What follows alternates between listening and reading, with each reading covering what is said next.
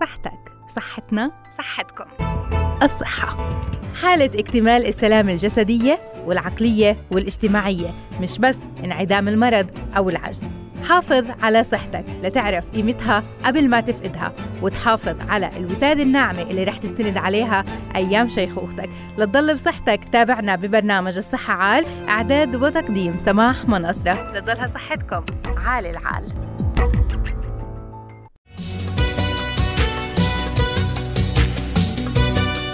بي 12 اللي يعتبر هو من الفيتامينات المعززة للطاقة والخارق أيضا. ممكن يكون هذا الأمر عند كثير من الناس أو هذا الفيتامين عند كثير من الناس ناقص. فبصير في تعويض له من خلال حقن بي 12 خصوصا للأشخاص اللي بينسوا كثير للأشخاص اللي بيضل عندهم الصداع في أسفل الرأس بشكل مستمر. فينصحوا بإعطاء أو بأخذ فيتامين بي 12 اليوم رح نحكي عن أهميته و وعلامات النقص عند الإنسان كيف ممكن إنها تظهر بالإضافة للتعويض؟ هل بيكون فقط من خلال الحقن ولا في أمور تانية؟ كمان ممكن إنه أثناء الاستحمام أو السباحة للأشخاص اللي بيسبحوا بشكل دائم إنها تدخل المي للأذن. وممكن هاي المي كمان تضلها مترسبة ما بعد الأذن الداخلية أو وراء طبلة الأذن. فاليوم بدنا نحكي أكثر عن وجود الماء في الأذن والتأثيرات اللي ممكن توصل لحد فقدان السمع وكيفية التخلص من الماء المتجمع في الأذن. كيف بالإمكان أنه يكون حتى ما قبل وصولنا للطبيب لأنه بعد كل استحمام لازم يكون في تنظيف للأذن من الماء خوفا من أنه تترسب وتضلها موجودة. كمان رح نحكي عن طب الأسرة شو هو وكيف ممكن يولي اهتمام بجميع أفراد العائلة. اكتشاف العديد من الأمراض. قبل ما نتصل في الطبيب المختص لازم نتصل في طبيب العائلة. فاليوم بدنا نحكي أكثر عن هذا التخصص والحاجة له بالإضافة للمتابعة المستمرة وخدمات الرعاية الصحية الأولية من علاج ووقاية. شاركونا أرائكم واقتراحاتكم وكونوا معنا التفاصيل في برنامج الصحة على الهندسة الإذاعية والإخراج الإذاعي. تامر الكركي مساء الخير. تنسيق والتنفيذ على الهواء مباشرة حافظ مالك يسعد مساكم ومساعدتي في البرنامج رينات زيدات يسعد مساكي. ومعكم بالإعداد والتقديم من وراء الميكروفون أنا سماح منصر حيا الله فيكم. حيا الله فيكم مستمعينا. رح نحكي اليوم عن حقن البي 12 هلا ممكن أعراض تظهر عند بعض الأشخاص. مثلا صداع مستمر ألم في أسفل الرأس ممكن النسيان فينصحوا هؤلاء بعد الكشف أيضا عن الفيتامينات بأجسامهم بأخذ حقن البي 12 وصرنا بنشوف كثير من السيدات اللي بياخذوها خصوصا بعد انقطاع الدورة الشهرية. ممكن هذا يكون له علاقة. ورح نحكي كمان عن الأشخاص اللي بيحتاجوا لهذا النوع من الحقن وشو بتعمل. هذا الموضوع اللي رح نناقشه لليوم أكثر مع الدكتور خالد عبد الرحمن حلاحلة أخصائي الأورام وأمراض الدم وزراعة نخاع العظم.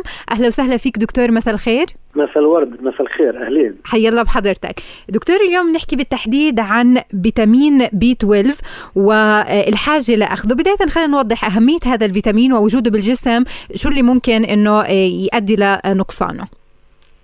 يعني هو نوع من أنواع الفيتامينات الضرورية لتركيب الخلايا في جسم الإنسان. وخاصة الخلايا الدم. إذا نقصان هذا الفيتامين يؤدي إلى حتميا إلى نقصان الدم في جسم الإنسان. وظهور الأعراض التي لها علاقة بقضية نقصان الدم من ناحية التعب والإعياء وعدم القدرة بالقيام بالواجبات اليومية للشخخ أسباب نقص الفيتامين بي 12 عادة لها علاقة بطبيعة الأكل م. اللي بتناول الإنسان. صحيح. إذا الأكلات اللي لا تحتوي على بي 12 والنقطة الثانية هي مشاكل المعدة وين بيتم امتصاص ال B 12 هناك نوعان من عملية إما عدم أو نقصان B 12 ناقص عن تغيرات في المعدة ناتجة عن قلة إفراز بعض البروتينات اللازمة لعملية امتصاص ال B 12 أو المرضى اللي بيكونوا عاملين عمليات كبيرة على المعدة.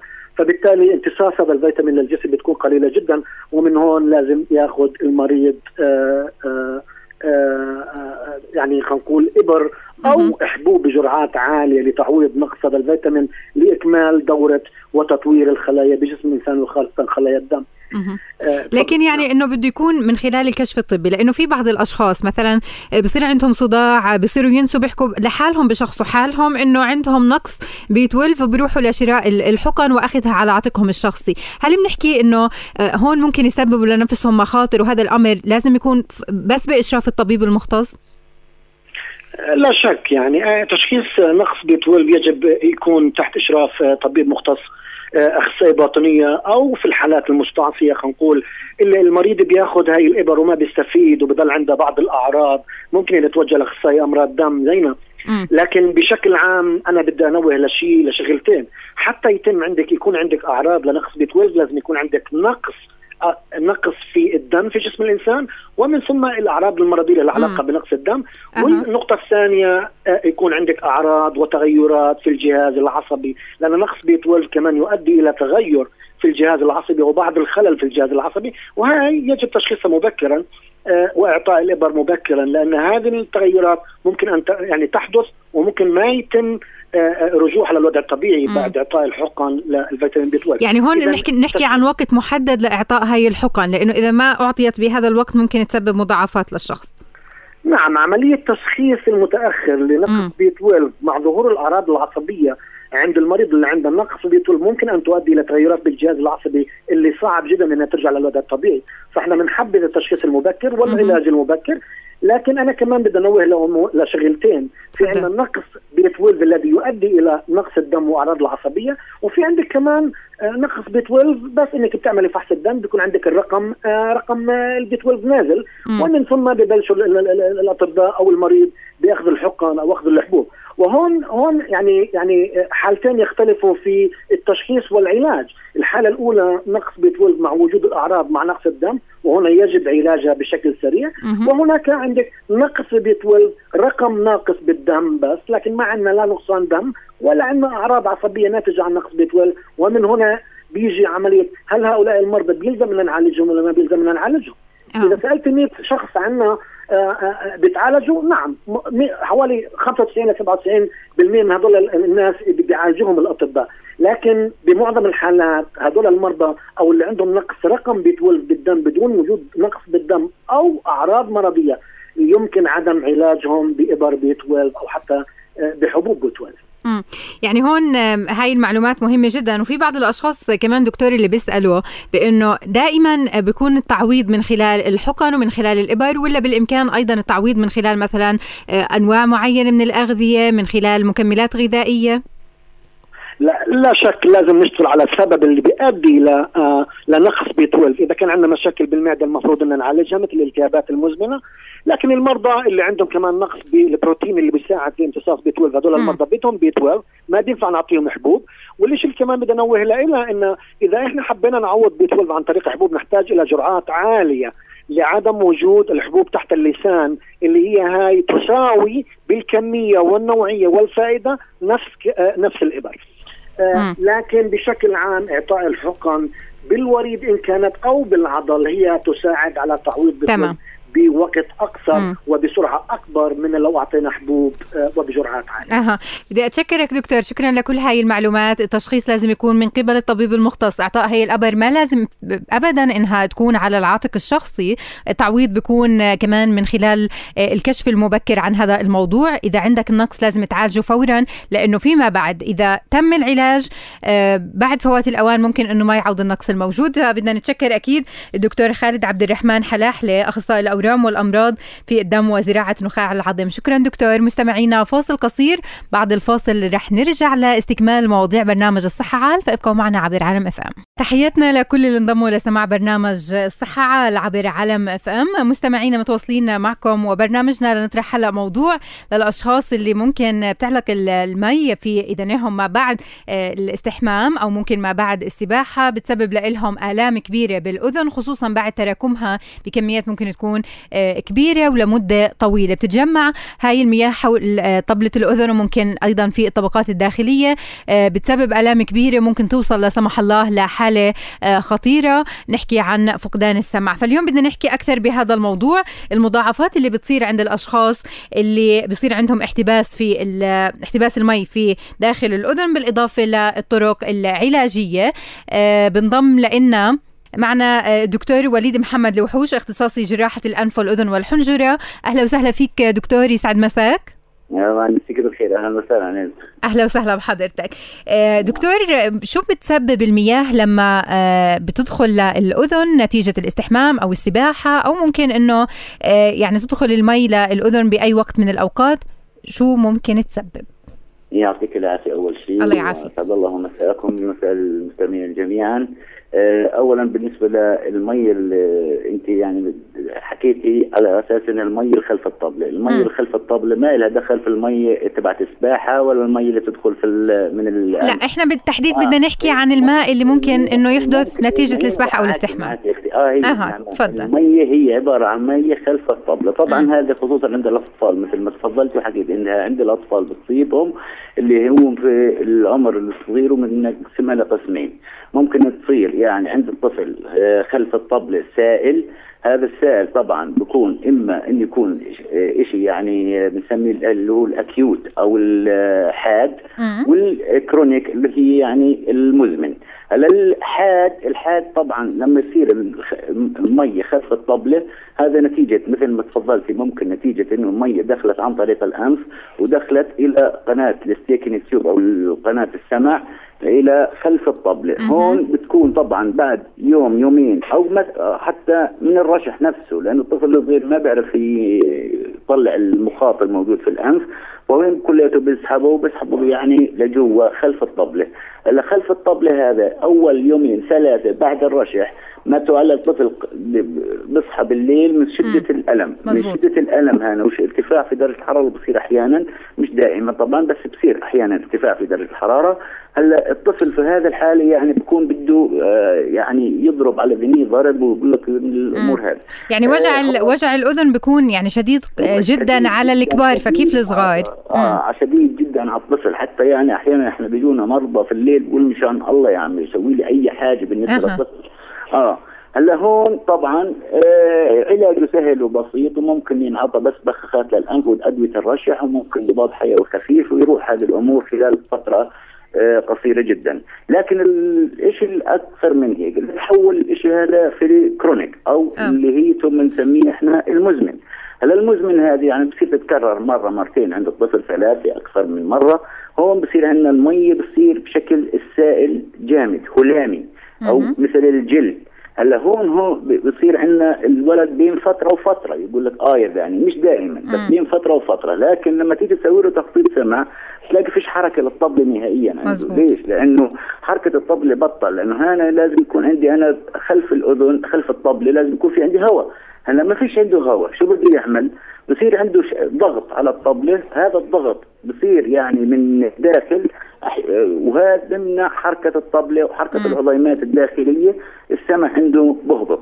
هون طبعا بنبلش في علاج مرة مرتين ثلاثة العلاجات اللي ممكن نعطيها اللي هي مثل أدوية الرشح. آه يعني هون بس إنه بس العلاجات من خلال الأدوية قبل الوصول للجراحة. آه نعم. مم. نعمل علاجات أول مرة وثاني مرة وثالث مرة. طبعا نعمل علاجات مثل أدوية الرشح أدوية الحساسية أدوية المضادات الحيوية القطرات في الأنف هذه الأمور بنعالج مرة مرتين ثلاث. إذا ما نجحت الأمور هذه وعملنا تخطيط وما في أي تحسن عند الطفل وظل عنده السمع ضعيف نضطر نعمل عملية بنسميها عملية الأنابيب أو أنابيب التهوية في الأذن.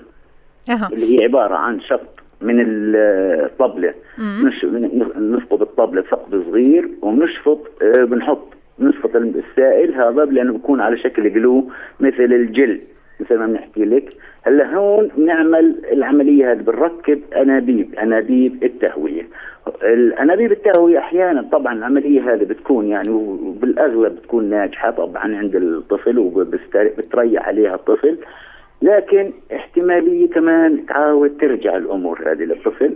وهون ما فيش مجال قدامنا إلا نعمل كمان عملية يعني ولكن نوعية التيوب تختلف عن النوعية هي بدها تضلها موجودة الأنابيب بالتهوية صح؟ لا لا أنابيب التهوية اللي بنحطها هذه عبارة عن يعني بتقعد من آه، شهر إلى ست شهور وهذه آه. حكمة ربانية سبحان الله يعني بعد ما يخلص شفط المي والسائل الموجود داخل الطبلة هان عندنا بصير كأنه جسم غريب في الطبلة وبتطرح الطبلة إلى الخارج إما أوه. هو نايم تقع لحالها يعني إنه بتوقع. آه لحالها. أو بتضل في قناه السمع بتيجي عند الطبيب بسحب لها إياه. هلا من لست شهور. يضل محطوط تيوب لمدة ست شهور. بعد الست شهور اذا ظل محله ما طلع لحاله. بيضطر الطبيب يعمل له مش عملية هي عبارة عن يعني في نفس في العيادة نفسها بيجي بيسحبها لأنه التيوبات دائما بنحط إحنا with wire يعني له آه سلك صغير بده موجود فيه إحنا بنمسك من السلك هذا بنسحب ال tube الأنبوب. تمام. هلأ إذا تكررت الأمور في نوعية تيوبات ثانية تنحط بنسميها T tube يعني شكلها زي حرف ال T بالإنجليزي. هذه اذا بنحطها في داخل الطبلة لفترة أطول هون تقعد يعني ممكن تقعد لها أكثر من سنه سنتين إلى ثلاث سنوات م. مشان إنه كل ما كبر كل ما توسعت القناة عنده وصار عنده آه، السمع آه، أحسن. أها طيب ما يناسب الصغار نفسه اللي بيناسب الكبار ولا الكبار ممكن علاجات ثانية في حال ترسبت الماء أيضا في الأذن؟ طبعا هذه النسبة قليلة جدا عند الكبار بتصير وأكثر شيء يعني عند العرايس بتصير يعني آه. اي أثناء العرس بتكون العروس مش قادرة لا وهذه بنسميها إحنا مرض العرايس أو البنات أكثر كمان لأنه البنات بيخجلوا ينفوا بيخجلوا مع العياط ومع الأمور هذه فبصير عندهم آه، مية ورا الطبله تقريبا نفس الشيء لكن العلاج أقوى شوية من عند الطفل. آه كمان نفس الشيء يعني ممكن إنها تصير عنده ولكن نسبة قليلة جدا بتصيب الكبار في هذا الموضوع. أها آه، بس إنه الأساليب الوقائية في حال دخلت المي مثلا مثل ما تفضل حكيت في البداية إنه مية الاستحمام أو مية السباحة للأذن الأساليب الوقائية لحتى ما تترسب هذه المياه داخل الأذن وتسبب لنا آلام شو اللي لازم نعمله؟ طبعا هذا أهم شيء يعني بعد الحمام وهذاك ما يحاولوا يدخلوا المي داخل الأذن هي ما بتدخل عن طريق الأذن المي بتدخل عن طريق الأنف. آه. يعني صار يستنشق بكل قوته دخل المي داخل الأنف ما هي بتخش على الطبل مباشرة. آه بعدها يعني ضروري يعني بحس إن المي دخلت جوا بده ينظف مناخيره زي يعني مثل قضية الاستنشاق اللي بنعمله في أثناء الوضوء تمام تمام جهة مم. بعدين الجهة الثانية تنظيف يعني ما تحاول أنت تشفط المي الان غصب. يعني. آه. لحتى نحمي نفسنا من من هاي نعم الألام نعم المبرحة نعم اللي ممكن نعم إنها تكون موجودة شكرا نعم. لحضرتك دكتور يعطيك ألف عافية دكتور وليد محمد لوحوش اختصاصي جراحة الأنف والأذن والحنجرة طبيب الأسرة يجب الاتصال فيه قبل غيره في حالة المرض وطلب العلاج. في بعض البلدان من الضروري على كل فرد أنه يكون عنده طبيب أسرة خاص بتابع أحواله الصحية وبيحوي عنده ملف طبي للشخص اللي بضم تاريخه العلاجي. طبيب الأسرة ممكن يكشف عن العديد من الأمراض وتكون المتابعة مستمرة. مش أنه مثل ما بصير آه، عند أغلب الناس منا أنه بس يعاني من مرض بيروح لطبيب المختص. لا هذا الطبيب بضله بحالة كشف دائم عن الأمراض والوقاية الوقايه منها. ممكن الأمراض اللي بتنتشر ببعض الفصول كمان يكون في آه، وقاية منها من خلال المتابعة المستمرة. فاليوم بدنا نحكي عن طب الأسرة. آه، شو هو هذا الطب؟ أهمية هذا الاختصاص آه، موجود عندنا فكيف بيتم التعامل معه من قبل؟ المواطن بالإضافة لاكتشاف العديد من الأمراض من خلال المتابعة المستمرة وخدمات الرعاية الصحية. ضيفنا الدكتور حازم ملحم أخصائي طب العائلة. رح يكون ضيفنا بالأستوديو. بعد شوي ابقوا معنا والصحة عال. التحيات لكم مستمعينا حي الله فيكم جميعا وحي الله بكل المنضمين لسماع برنامج الصحة عال. رح نحكي هلأ بتخصص مهم جدا ومن الأفضل أنه يكون موجود عند كثير من الأشخاص يطلق عليه طب الأسرة. شو هذا الطب وكيف بيعمل على الكشف عن العديد من الأمراض؟ ضيفنا بالأستوديو الدكتور حازم ملحم أخصائي طب العائلة وهو الدكتور الوحيد تقريبا الموجود في محافظة الخليل اللي عنده هذا التخصص. أهلا وسهلا فيك دكتور شرفتنا. الله أهلا وسهلا. أهلا وسهلا فيك. دكتور بداية نعرف طب العائلة أو طب الأسرة شو هذا الطب وكيف ممكن يولي اهتمام بجميع أفراد الأسرة؟ بسم الله الرحمن الرحيم والصلاة والسلام على سيدنا محمد. أهلا وسهلا فيك. آه، حقيقة الطب العائلي هو آه، يشبه الطب العام في درجة من الدرجات بحيث أن الطبيب يجب أن يداوم على الاطلاع على حيثيات كل التخصصات لامتلاك أكثر من رؤوس أقلام في كل تخصص. آه يعني بده يكون عارف آه نعم مثل الطبيب العام كل نعم شيء صحيح. كل شيء بخصوص الأمراض المختلفة. آه، يكون عارف على الأقل جزء يتيح له يتيح له قدرة التشخيص المبدئي. بحيث إنه يقدر يحول مريضه على إذا شافه مثلا بحاجة إلى الجراح أو بحاجة إلى الطب الباطني والقلب أو بحاجة إلى أعصاب أو أو أو. فتفنيد هذا ليش مهم؟ لأنه الحقيقة أنه الاختصاص الضيق آه، لا يتيح دائما الفرصة للتعرف على المرض. على سبيل المثال طبيب النسائية يضع كل اهتمامه في منطقة الحوض. آه، طبيب الأعصاب يمكن أن يفهم الشكوى من المريض على أنها عصبية والطبيب النفسي قد يحللها على أنها نفسية. تمام. الآن أنت بحاجة إلى من؟ آه، ينظر في كل هذه المناظير في آن واحد.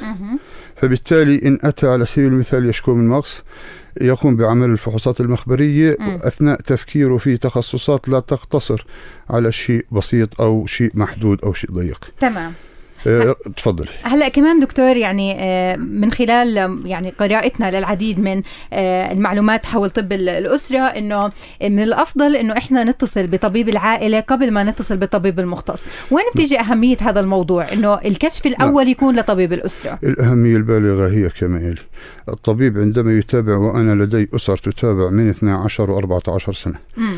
أنت تصبح ملم بالأمراض الوراثية لدى هذه الأسرة. مزبوط تمام. أنت تصبح ملم بأنواع الأدوية الأدوية التي يتعاطاها هؤلاء الأطفال أو الشباب أو الآنسات أو السيدات. بالتالي آه، آه، تكون آه، أو تكون لديك موجودة سلفا. وجهة نظر يسموها في الطب ال disease history أو التاريخ المرضي. لأنه الحقيقة التاريخ المرضي هو والتاريخ والفحص السريري مهمات لأبعد الحدود. وهذا اللي بيسهل تشخيص الحالة اللي بيعاني منها المريض في هذا الوقت. مزبوط بالتأكيد. هناك حالات كثيرة إحنا كنا نشوفها. الطبيب عادة مثل حالة آخر حالة أنا أتذكرها آه، اللي هي حالة عانت من أمراض جلدية ولا يوجد أي علاج. ولا مضادات الهستامين أو دواء الحساسية لم يأتي معها بنتيجة.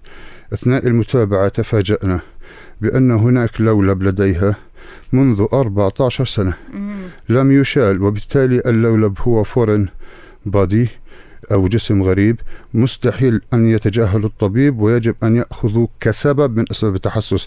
والحقيقة بعد الطبيب النسائية مشالته وجدت التهابات عنيفة. المريضة دون أي مضاد حيوي أو مم. آسف أي مضاد تحسسي شفيت فعلا شفيت أنا أتكلم أنا, أنا أود من الأخوة المواطنين أن يعوا مهم جدا الموضوع واحد. إيه، رسول الله صلى الله عليه وسلم شبه الأم بالجسد. إذا اشتكى منه عضو تداعى له سائر الجسد بالسهر والحمى. فأحيانا المريض النفسي آه، آه، يصبح أو, أو يتضح للطبيب أنه مش مريض نفسي أنه مريض بغدة درقية. مثلا ارتفاع اليود الشديد يؤدي إلى مشاكل عصبية ونفسية شديدة جدا. آه هذا المريض علاجه حبة دواء واحدة في اليوم على سبيل المثال إذا كان إفراط في إفراز اليود ولدي أمثلة كثيرة جدا. هذا رقم واحد. رقم اثنين مريض ثاني يعاني أو طف من منذ الطفولة يتعالج مثلا لحمى البحر الأبيض المتوسط. وعندما تفحص هذا الطفل تجد أن لديه مشكلة متراكمة عبر السنين كلوية أو كبدية. الدراسة الشاملة للجسم كل مريض يجب أن يقوم الطبيب على سبيل المثال بقياس ضغط الدم عنده. حتى لو كان هذا المريض أجى زيارة للعيادة يشيل آه، شوكة من إصبعه. يجب قياس الضغط. يعني في أمور ثابتة لازم يعملها الشخص بشكل مستمر. فكيف الشخص اللي ما عنده طبيب عائلي؟ يعني أنه ممكن أنه يعاني من نعم. كثير من الأمراض آه للأسف يتأخر كشفها وما يكون نعم. في متابعة مستمرة للحالة الصحية. آه سؤال جيد كثير. وأريد أن أعطي بعض النصائح للأخوة المواطنين. على إن شاء الله تعالى أتوفق في ذلك. إن شاء الله. لا يمكن بداية. لا يمكن بل مستحيل. مهما كان الطبيب على قدر عالي جدا من العلم لا يمكن أن ينجح في تشخيص أي مرض كان دون فحص مخبري. لذلك أن يتناول الطب المريض دواء بدون فحص مخبري انت تتحدث عن نسبة خطأ في التشخيص نسبتها 90% رقم اثنين ليس المضاد الحيوي. العلاج لكل حرارة على سبيل المثال. أه. أحيانا الالتهاب عند الأطفال 90% فيروسي لا يحتاج لمضاد حيوي. ويأتيك المريض من خذ يعني على سبيل المثال في إسرائيل بعد عملية جراحية يمكن استخدام الأموكسيتسيلين أبسط أنواع المضادات الحيوية. عندنا للأسف الطبيب بيصير يفتش أي دواء مش ماخذه هذا الزلمه لأنه بكون ماخذ كل المضادات الحيوية. هذا الأخذ العشوائي سببه عدم الدقة في التشخيص وعدم الانتظام الفوضى في العمل. أه. أنا أسميها الفوضى في العمل. لذلك المريض دائما بحاجة إلى أن يقوم الطبيب بعمل ما يسمى بال vital signs وهي الحرارة الضغط سماع الصدر فحص البطن. آه هذه أمور مع شديد الأسف. معظم المرضى بيجونا بقول لك أنا بتعالج من فترة بتتفاجئ السماعة ولا مرة انحطت على صدره. طيب عمي كيف الحكي؟ ممكن من خلال إنه شو بيحكي المريض خلص بيتم تشخيصه نعم صحيح. مم. الحقيقة إنه اولا ممكن هو يجب ما يعرف يشخص حاله. آه هو رايح على طبيب. مم. بما إنه زار طبيب على الطبيب اولا أن يسمعه ويستوفي استماع مريضه هذا رقم واحد. مم. ورقم اثنين أن يحاول أن يرى هل كلام هذا المريض مطابق لوضعه السريري؟ أو لا يطابق وضعه السريري. ليش؟ لأنه في عندنا ثلاث أنواع من الناس. في نوع إحنا بنسميه hyponosognostic type of people هؤلاء الناس اللي بيمرضوا وبكون عندهم مرض شديد وهم مصرين إنهم مش مرضى. ونوع آخر يسمى hypernosognostic type of people الناس اللي من مرضى صغيرة بصير يفكر عنده أمراض أكبر وأكبر. تمام تمام. إحنا كمان رح نستكمل هذا الموضوع معك دكتور ونعرف التوعية الموجودة عند الناس. هل في آه، كثير من الأسر اللي بتعرف شو يعني طب أسرة وممكن يلجأوا ل له ولا آه، بتنقصنا التوعية في مجتمعنا؟ هذا الموضوع اللي رح نناقشه بس نستأذنك نروح لفاصل قصير وبعد الفاصل راجعين وبرنامج الصحة عال